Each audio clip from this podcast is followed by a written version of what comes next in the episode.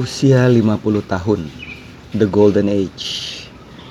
Saya sudah sampai di usia ini. Hihihi. Banyak yang bilang orang-orang di usia 50 itu sudah matang. Saya nggak tahu apakah saya termasuk kategori tersebut. Tapi kalau mau di flashback, dulu pertama kali, tentu perjalanan karir seseorang tidak luput dari pengaruh besar kedua orang tua. Kedua orang tua saya sudah dipanggil Tuhan dan ibu saya memberikan pengaruh besar banget dalam kehidupan saya saat ini. Ayah saya adalah tipe pribadi yang sangat tenang, kompromis, dan santai. Sedangkan ibu saya, jadi ayah saya itu si damai ya. Ibu saya adalah tipe yang sangat kuat goal oriented. Ibu saya juga sangat detail. Nah, saya ingat banget cerita-cerita dari keluarga besar saya karena ayah saya datang dari 13 bersaudara. Semuanya sudah meninggal, tinggal ada satu tante saya yang tinggal di Sulawesi Tengah. Kalau ada waktu beberapa kali di 10 tahun ke belakang saya terkoneksi dengan mereka-mereka yang ada di Sulawesi Tengah. Dan ibu saya adalah satu dua tiga empat bersaudara. Ibu saya adalah sulung dari empat bersaudara. Nah jadi waktu ibu dan ayah saya bertemu di Manado ayah saya adalah seorang pengusaha kopra yang sukses di zamannya. Dan ayah saya sudah sangat nyaman dengan kehidupannya. Jadi ayah saya tidak melihat tempat lain untuk tinggal. Sedangkan ibu saya itu si goal oriented dan si proses oriented ini senang berkelana. Ibu saya dengan saudara sepupunya dengan kapal laut ini pergi dari Manado ke Surabaya untuk menimba ilmu. Ibu saya belajar belajar masak, belajar jahit, belajar A, B, C, D. Ini terjadi di tahun mungkin tahun 50-an ya, 50-an. Sekitar tahun itu. Dan akhirnya ibu saya mendapatkan inspirasi untuk tinggal ke Jakarta. Nah, saya ini adalah tiga bersaudara kakak angkat saya sudah meninggal karena penyakit kolon perempuan. Dan kakak saya nomor dua kakak asli saya laki-laki beda dua tahun dengan saya dan saya. Jadi waktu kami kecil-kecil saya lahir di Manado kedua kakak saya lahir di Gorontalo. Jadi ibu saya bilang ke ayah saya untuk keluar dari Manado. Ibu saya bilang mereka berpindah-pindah ya dari Gorontalo, Manado, terus pindah ke Luwuk, tepatnya di Pagimana. Jadi Pagimana tuh desa kecil banget, desa nelayan ya, desa kecil sekali di Sulawesi Tengah. Saya juga sudah pernah pernah pergi ke sana beberapa kali. Dan ibu saya bilang kayak saya nggak mau tinggal di kampung, mau keluar dari kampung untuk mengadu nasib di Jakarta. Karena ayah saya si damai, jadi ayah saya tentu menurut. Saya ingat cerita dari tante saya di kapal laut, kami sekeluarga sudah siap untuk keluar dari kampung dan mulai orang tua saya mengadu nasib di Jakarta. Nah, ayah pergi ke Jakarta memulai bisnisnya bahan bangunan dan jadi aset dijual semuanya terus kami pindah tapi saya dan ibu saya dan ketiga kedua kakak saya kami tinggal di Surabaya selama kurang lebih satu setengah tahun. Usia saya mungkin waktu itu tiga tahun tiga tahun sampai empat tahun. Jadi kebayang pada saat usia tersebut tentu anak-anak masih kecil kan penyesuaiannya sangat bagus ya. Jadi saya itu agak medok ngomongnya Surabayaan banget. Nah singkat cerita akhirnya bisnis ayah sudah settle baru kami pindahlah ke Jakarta.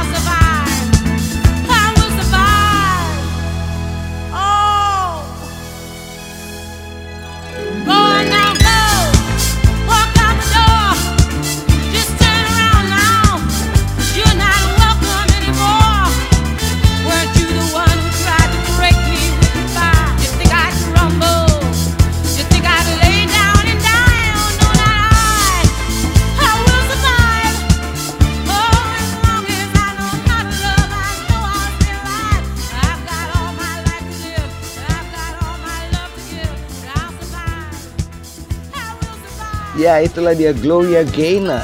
I will survive. Mungkin itu kali yang ada di kepala ibu saya dan ayah saya ya. Kami pindah ke Jakarta memulai kehidupan Dan saya ini adalah si left-handed, purely left-handed. Jadi saya ingat banget waktu saya udah mulai masuk TK Waktu itu kan pengetahuan tentang orang-orang dengan tangan kiri itu sangat minim ya. Karena dulu dianggap tangan kiri itu tidak santun Tidak sopan jadi beberapa guru memaksa saya untuk menuliskan dengan tangan kanan, tapi saya selalu menolak karena di pikiran saya kedua orang tua saya yang melahirkan saya, ibu saya yang melahirkan saya aja nggak melarang. Kok ini guru-guru pada melarang? Pernah suatu saat waktu TK saya ingat banget, semua anak udah pulang, saya nggak boleh pulang, saya harus menggunting dengan tangan kiri. Ini TK ya, jadi semua udah pulang, teman-teman melihat saya dari jendela sekolah kelas saya berdiri dan dipaksa oleh guru untuk menggunting dengan tangan kanan. Duh, sebel banget deh ya. Nah, saya jujur bersyukur sekali dengan keputusan yang telah diambil oleh ibu saya. Kalau ibu saya dulu tidak suka keliling-keliling jalan-jalan ke Surabaya dengan kapal laut bersama sepupunya, saudara sepupunya, mungkin juga saya tidak akan sampai di podcast ini mungkin juga tidak akan saya sampai di dalam perjalanan saya di Jakarta. Saya pasti mungkin akan jadi guru diving kali di Manado ya. Atau jadi pemandu wisata. Tapi kan jalan hidup itu semua sudah ada garis tangannya. Kita pasti akan sampai juga ke sana sooner or later. Nah, saya ingat banget. Dari kecil emang gue doyan ngomong pernah suatu saat ya ada teman ayah teman ayah datang namanya Pak Sinaga terus ibu dan mami papi saya tuh sedang pergi sore. Nah saya tuh di antara kakak-kakak saya saya memang yang paling berani, paling nakal lah ya dan provokator. Jadi waktu itu saya sedang membaca buku yang dibacakan oleh pembantu saya tentang cerita naga. Udah kelar tiba-tiba si om ini datang. Ketok-ketok pintu, saya keluar dari rumah di pagar, terus si om ini nanya, "Eh, papa mana?" "Oh, papa lagi pergi sama mama." "Om siapa?" "Oh, eh, saya Om Sinaga." Terus saya gini, "Ah, Om Sinaga? Saya juga baru baca loh buku tentang naga." saya ambil komiknya, saya tunjukin ke si Om Sinaga. Si Om itu ketawa-tawa anyway dan cerita ke orang tua saya. Nah, ber- bertambah usia, sekolah dan seterusnya A B C D. Dan saya ingat banget waktu saya berusia 15 tahun, saya memang sudah terpikir untuk terjun ke dunia entertainment. Tapi saya nggak tahu masuknya lewat jalur mana. Terus saya mendengarkan radio. Nah dari situlah kemudian muncul inspirasi untuk menjadi penyiar radio. Saya telepon, ternyata belum cukup umur. Saya pernah cerita di podcast saya yang awal-awal. Dan akhirnya kemudian selang 4 tahun kemudian saya mendaftar ke Radio Prambors dan saya kemudian diterima. Jadi ada seorang teman saya Winners yang pernah berbagi kepada saya tentang purpose of life, tujuan hidup. Orang-orang yang sukses di dalam karirnya itu harus menentukan karir apa yang ingin dibangun sebelum ia berusia 30 tahun. Karena dari cerita teman saya yang dibaca tentang orang-orang yang sudah sukses adalah mereka yang membangun karirnya di bawah usia 30 tahun. Nah, mungkin ini juga yang terjadi dengan kehidupan saya. Dari entertainment, kemudian saya belajar banyak dari situ dan memang saya termasuk tipe yang pemberani. Saya berani coba. Saya berani gagal. Saya berani malu. Tapi saya kalau winners tanya ya di usia ke-50 tahun ini, apakah saya termasuk pribadi yang terbuka? Yes, saya orang yang terbuka menurut saya. Saya justru tidak suka dipuji. Karena buat saya pujian itu akan membuat saya lebih sombong. Saya nggak mau. Saya justru malah selalu menantikan input atau kritik dari orang untuk membuat saya terus bertumbuh. Nah, pada saat karir sedang berjalan dan mendapatkan apresiasi dari banyak orang-orang dari karir yang saya bangun, terus dari penyiar radio, saya jadi presenter, saya adalah bisa dibilang generasi pertama ya presenter pertelevisian di Indonesia. Saya ingat banget tuh RCTI baru mulai, saya udah punya program di sana sambil saya masih siaran. Tapi saya ini saya tahu banget. Terus juga jadi MC ya dulu disebut MC kondang. Waduh, usia 19 tahun udah ke mana-mana. Nah, saya ini tahu banget bahwa saya ini adalah tipe manusia yang pembosan. Saya tipe manusia yang pembosan. Jadi kalau saya melakukan suatu pekerjaan yang itu lagi itu lagi, nah saya tuh bosen. Terus orang-orang bilang, kan lo udah enak banget jadi penyiar radio, jadi presenter, jadi MC. Dalam satu minggu tuh ada aja jadwal MC. 17-an lah anak-anak ulang tahun, MC produk lah, klien dan segala macem. Tapi terus saya juga waktu itu bekerja juga selain menjalani tiga profesi tadi, saya juga menjadi tim kreatif di Radio Prambors. Saya bikin program namanya Prambors Night setiap bulan. Saya ingat banget. Jadi setiap bulan saya ngumpulin orang-orang, saya bikin event di Ebony Discotheque. Wah, kebayang nggak nih ya? Ebony. Jadi saya bikin program bulanan, saya kumpulin teman-teman public figure yang nggak bisa nyanyi, saya minta untuk nyanyi lah dan segala macem. Berapa kali program itu dijalankan. Terus saya juga bekerja paruh waktu di luar waktu saya, bekerja sebagai tim kreatif di sebuah perusahaan advertising agency milik perusahaan Jepang. Kebayang winners, I was 19 years old at that time. Jadi super sibuk. Cuma karena saya ini pembosan, jadi lima pekerjaan saya itu menurut saya itu monoton. Aneh ya? Ya saya nggak menemukan tantangan yang baru. Sama sekali nggak menemukan tantangan yang baru. Nah kemudian dari situ di tahun 93 saya mulai di broadcasting di entertainment tahun 89 akhir saya siaran pertama kali di bulan Desember tahun 89 terus tahun 93 saya memutuskan untuk resign dari dunia entertainment yang telah membuat nama saya pada saat itu dikenal oleh orang. Dan saya mundur. Saya bikin perusahaan event organizer. Saya bikin IO dengan dua orang rekan saya nah saya hilang tuh dari publik nggak muncul lagi sekitar 6 sampai 7 tahun saya hilang saya tenggelam dengan bisnis yang saya jalankan. Waduh, saya senang sekali berada di balik layar, ngatur-ngatur. Kata banyak orang emang doyan ngatur, Mister Atur, tukang ngatur. Jadi saya bikin event banyaknya luar biasa. Banyaknya luar biasa.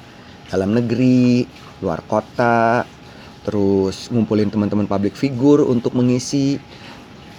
Perusahaan saya juga mengisi secara reguler event di Hard Rock Cafe di Sarinah waktu itu. Sebulan sekali cari sponsor bikin show lalala lalala kerjasama dengan pemerintah. Waktu APEC pertama kali diadakan di Indonesia saya menjadi IO-nya dan saya melaksanakan dua program. Yang pertama adalah photo exhibition kalau Anda di Jakarta atau pernah berjalan dari tunnel antara Hotel The Sultan yang dulu Hilton itu kan ada tunnel ya menuju ke JCC Jakarta Convention Center. Kalau Anda masuk ke bawah tunnel itu Anda lihat foto-foto para pemimpin-pemimpin negara. Nah, itu eventnya saya yang buat. Terus saya bikin program untuk para lead uh, apa namanya uh, ibu negara ya di Bogor Istana Bogor. Dari situ saya membantu beberapa program pemerintah bekerja sama dengan Dekranasda bikin San Francisco International ikut serta untuk sebuah event internasional di San Francisco namanya San Francisco, International Gift Fair. Terus saya juga membuat misi kesenian di Perth, Australia dan ah banyak sekali deh, banyak sekali event yang sudah saya buat. Sampai akhirnya perusahaan ini uh, mem Uh, pernah juga membuat event di New York di Tribeca Performing Arts di Manhattan dan akhirnya perusahaan ini bertransformasi ingin menjadi perusahaan yang menjual program-program bekas yang saya beli dari SCTV untuk dijual di Belanda. Dijual di Belanda di sebuah kami akan membuat sebuah Indonesian Cable System karena dari hasil research bahwa Indonesian population di negara Belanda tentu paling banyak karena kita mempunyai historical yang sangat panjang dengan Belanda. Jadi ada sekitar waktu itu researchnya ada 2 juta. Kami sudah meng-hire para saya perusahaan kami meng-hire seorang konsultan dari Kanada untuk mempersiapkan TV cable ini program-program bekas yang sudah tidak di, sudah tidak yang sudah tidak ditayangkan ulang di televisi di SCTV terutama itu kami beli dengan harga murah untuk kami rerun kembali di cable system tersebut. Eh sayang, Krismon bubar bisnis saya dan teman-teman.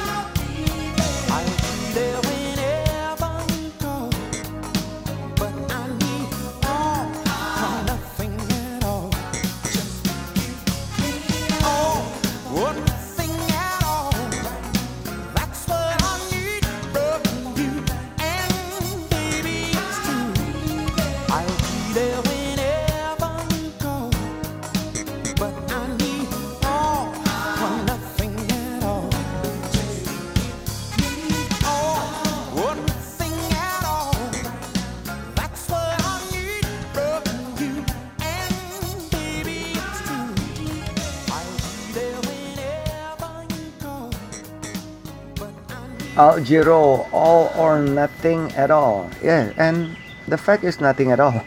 Nggak ada lagi.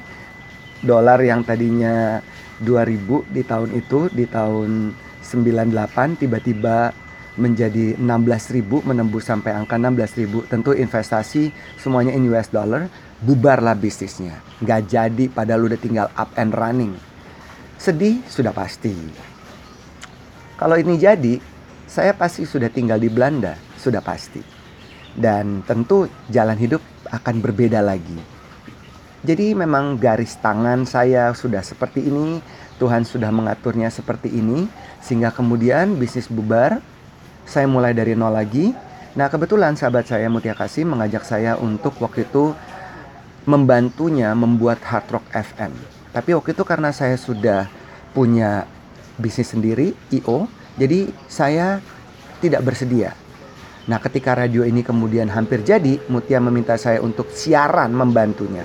Saya iakan karena juga pas sudah tidak ada kegiatan lain. Jadi saya terima tawaran itu, saya siaran pertama kali untuk Hard Rock FM mengudara bersama Sarah Sehan satu setengah tahun. Kemudian Sarah pergi ke Singapura sebagai VJ MTV dan kemudian kami mencari pengganti dan saya disodorkan seorang yang kacau dan kocak bernama Indi Barens dan kemudian kami berpasangan bersama-sama satu setengah tahun. Dan kemudian tiga tahun menjadi penyiar radio kembali lagi ke, ke TV dan seterusnya. Saya juga sempat dikasih project oleh Mutia untuk membuat radio Cosmopolitan FM yang sampai sekarang masih mengudara. Dan pada saat itu saya juga pernah bekerja di perusahaan induk perusahaan MRA menjadi marketing communication manager untuk Club 21 sebuah perusahaan retail yang menjual brand-brand ternama mulai dari Giorgio Armani, Donna Karan, Calvin Klein, kostum nasional, Dolce Gabbana, DNG, CK, Max Mara, ada 13 brands.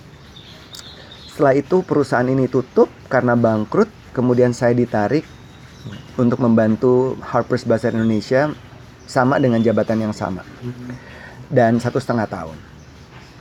Jadi siaran di radio tiga tahun, saya pun bosan dan kemudian saya pindah jadi profesional membantu induk perusahaan. Tiga tahun itu pun satu setengah tahun di Club 21, satu setengah tahun di Harper's Bazaar, dan juga membantu majalah Cosmopolitan.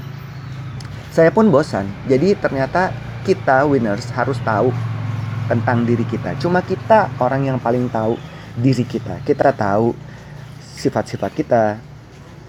Kita tahu kita bisa mengukur.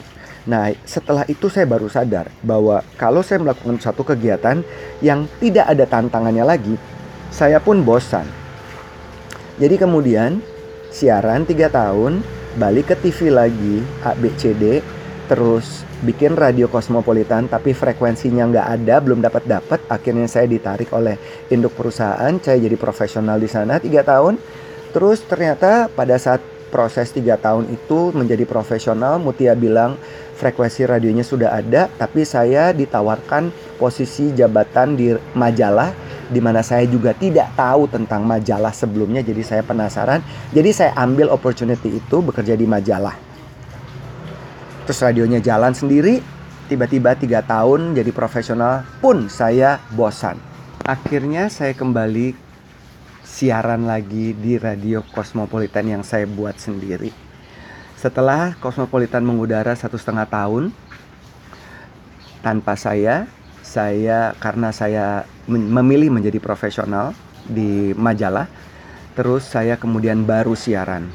Saya siaran dengan Indi 6 bulan terus Indi hamil anak kedua Manuel sehingga tidak boleh bekerja terlalu capek jadi kemudian Indi lengser kemudian saya berpasangan dengan Tika Panggabean sampai hampir 4 tahun. Nah dari situ kemudian saya mulai meniti karir.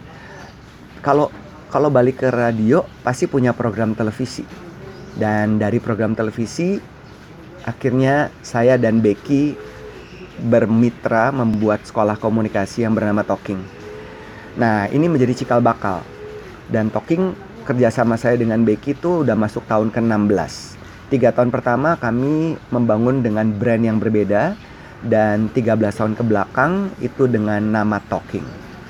Saya menjadi bapaknya anak-anak, running the business, create modules, cari facilitator, strategi marketing, promosi dan segala macam. Nah, saya nggak bosen-bosen winners bukan karena ini kepemilikannya juga punya saya dan Becky, tapi menjadi menjadi facilitator itu selalu punya tantangan. Tidak pernah membuat saya bosan. Karena materi yang sama diinjek ke audiens yang berbeda, level yang berbeda, jumlah yang berbeda, mengerjakannya berbeda. Nah, ternyata saya suka yang begini-gini, yang penuh dengan tantangan. Karena ada unsur kreativitas di sana, terus membuat saya selalu bersemangat untuk memikirkan proses apa yang perlu saya ambil, langkah mana.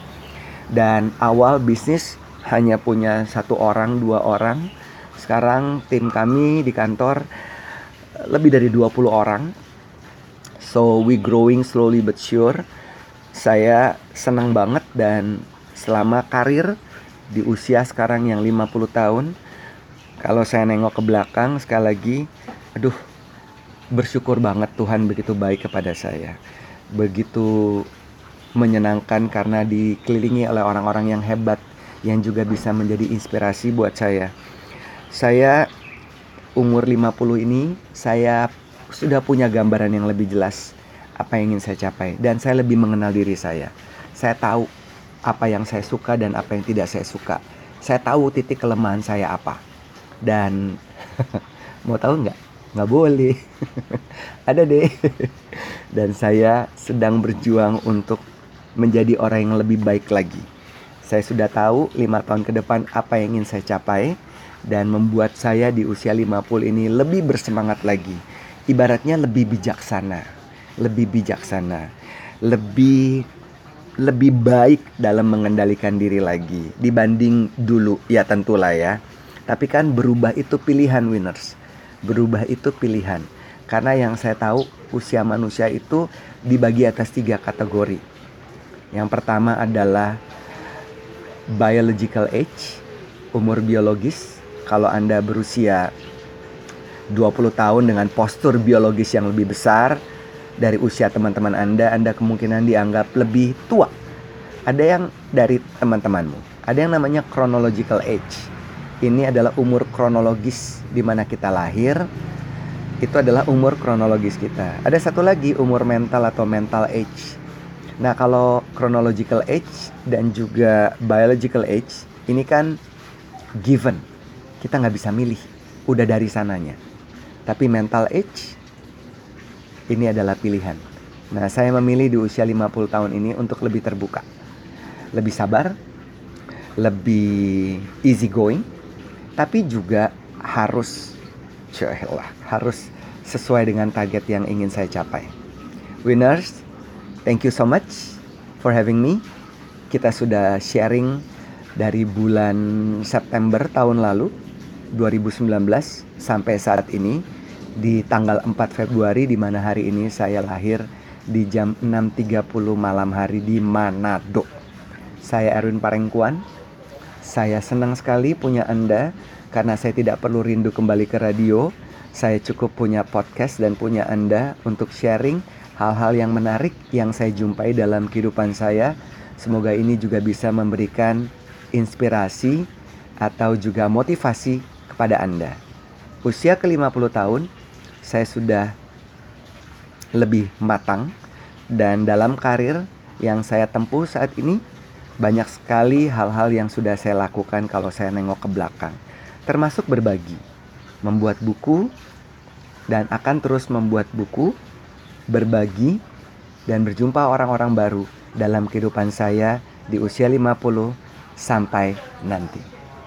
I love you, winners. See you again. Bye-bye. It's